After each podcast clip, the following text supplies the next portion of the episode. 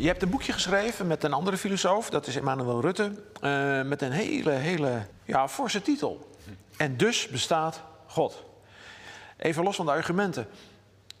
Waarom wil je dit boek schrijven? Nou, eigenlijk omdat hier over die argumenten van Gods bestaan in Nederland gewoon veel te weinig over bekend was. Want in Ja. Nederland hebben we toch nog heel vaak dat, dat oude idee van nee, we- er zijn eigenlijk geen redelijke argumenten. Geloof een soort blind vertrouwen, oogkleppen op, sprong in het diepe. Hoort niks, heeft niks met verstandelijk eh, of verstandig nadenken te maken. Nou, noem er eens drie die jij belangrijk vindt.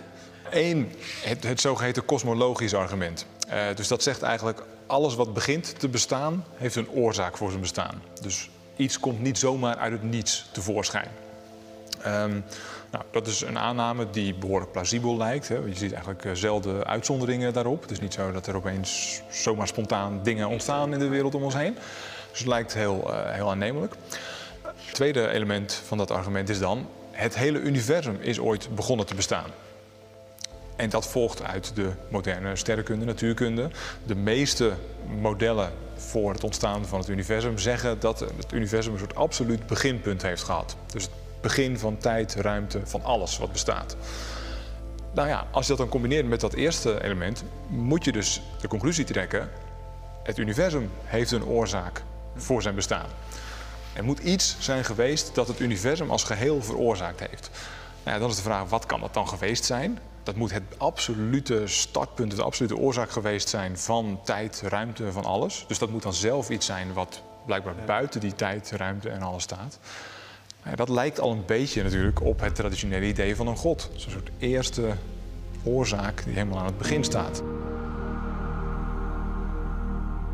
Tweede argument is het argument vanuit fine-tuning. Dus onze wereld werkt op allerlei regelmatige manieren. Dingen als je los laat vallen ze altijd, eh, enzovoorts. Nou, die kun je beschrijven met natuurwetten. Eh, dus mooie wiskundige formules waar je dan in beschrijft hoe dingen vallen, hoe snel ze vallen, enzovoorts. In die natuurwetten zitten bepaalde getalletjes eh, in die formules. Nou, dat noem je natuurconstanten.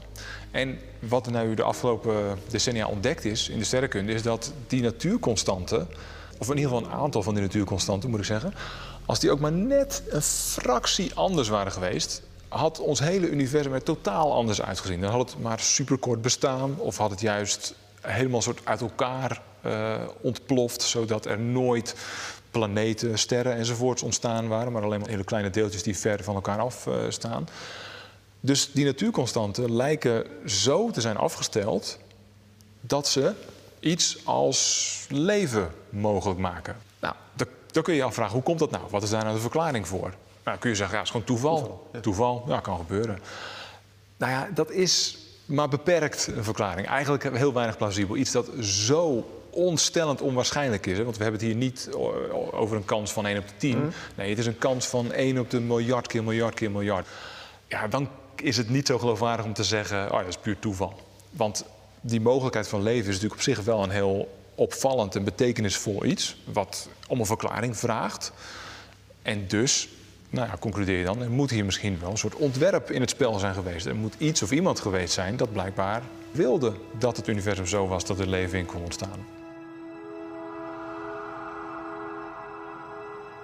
Nou, goed, er zijn nog weer andere reacties hierop mogelijk. Je kunt denken, eh, ons universum is niet het enige wat bestaat. Miljard, er- miljard universa? Precies, er zijn miljarden universa. Ja. Er zijn bepaalde modellen in de sterrenkunde die inderdaad dit voorspellen, dat er zo, zoveel universa ontstaan.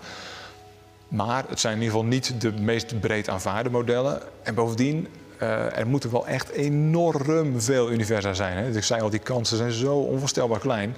Nou lang niet alle modellen die meerdere universa voorspellen, voorspellen inderdaad dat er zo ontzettend veel zijn. Dus als ze voorspellen dat er bij wijze van spreken een miljoen universa zijn, dan zou de kans nog steeds astronomisch klein zijn. Dus dat zou nog niet eens helpen. Dus je moet echt wel heel specifieke modellen hebben die inderdaad zo ongelooflijk veel universa voorspellen. Nou, dat zijn er niet zoveel. Dus denk ik dan bij mezelf, ja, dan is het eigenlijk best redelijk om te denken dat er inderdaad een ontwerper is geweest. Nou, een heel ander soort argument. Maar ehm, ik denk ook dat er een objectieve moraal bestaat. Dus dat er objectief goed en kwaad bestaat. Dus er zijn dingen die gewoon objectief gesproken echt slecht, verkeerd zijn. En andere dingen die objectief goed eh, eh, zijn, die je dus wel zou moeten doen of zou moeten willen. Stel, jij en ik zijn het oneens over een bepaalde morele kwestie. Oorlogsmisdadigers, mogen we die martelen om informatie uh, los te krijgen bijvoorbeeld? Um, en dan is even de vraag, niet wie heeft er gelijk, maar hoe voelt zo'n discussie nou aan? Wat zijn we nou aan het doen? Is dat eigenlijk een soort discussie over, ja, is chocoladeijs of vanilleijs nou lekkerder? Of is dat een discussie over, ja, wie heeft er nou echt gelijk? Mag het wel of niet? Nou, eh, volgens mij is het een discussie van de tweede soort, over de vraag wie heeft er echt gelijk? Nou, als alles gewoon materie is, is het volgens mij onverklaarbaar hoe er een objectieve moraal zou kunnen zijn. Want ja, individuele cellen of atomen, daar, ja, daar krijg je geen morele normen uit. Ik bedoel, een individuele cel vertelt jou niet of je oorlogsmisdadigers mag martelen of niet. En als je een heleboel bij elkaar stopt, ook niet, denk ik. Dus dat is onverklaarbaar. Terwijl als er een God bestaat, heb je volgens mij wel een goede verklaring voor waarom er een objectieve moraal is. Dan kun je namelijk zeggen, nou ja, die objectieve moraal vindt op de een manier een basis in Gods wil. God wil dat mensen zich op een bepaalde manier gedragen. Omdat dat goed is voor het leven van mensen individueel en samen. En als je deze drie argumenten optelt, dan zeg je dan houd ik staande en dus bestaat God. Ja, deze drie en nog vijf. En nog vijf van, ja precies. Misschien een paar ja? uh, die ik zou kunnen geven. Ja, ja, ja. Dat, is, dat biedt geen garanties. Hè? Dus ik zie ook, en dat is natuurlijk, ja, weet je, filosofen zijn altijd super genuanceerd. Mm. Dus het zijn argumenten die best goed zijn, die plausibel zijn, die mensen kunnen helpen, die mij soms ook echt helpen maar geen dwingende bewijzen.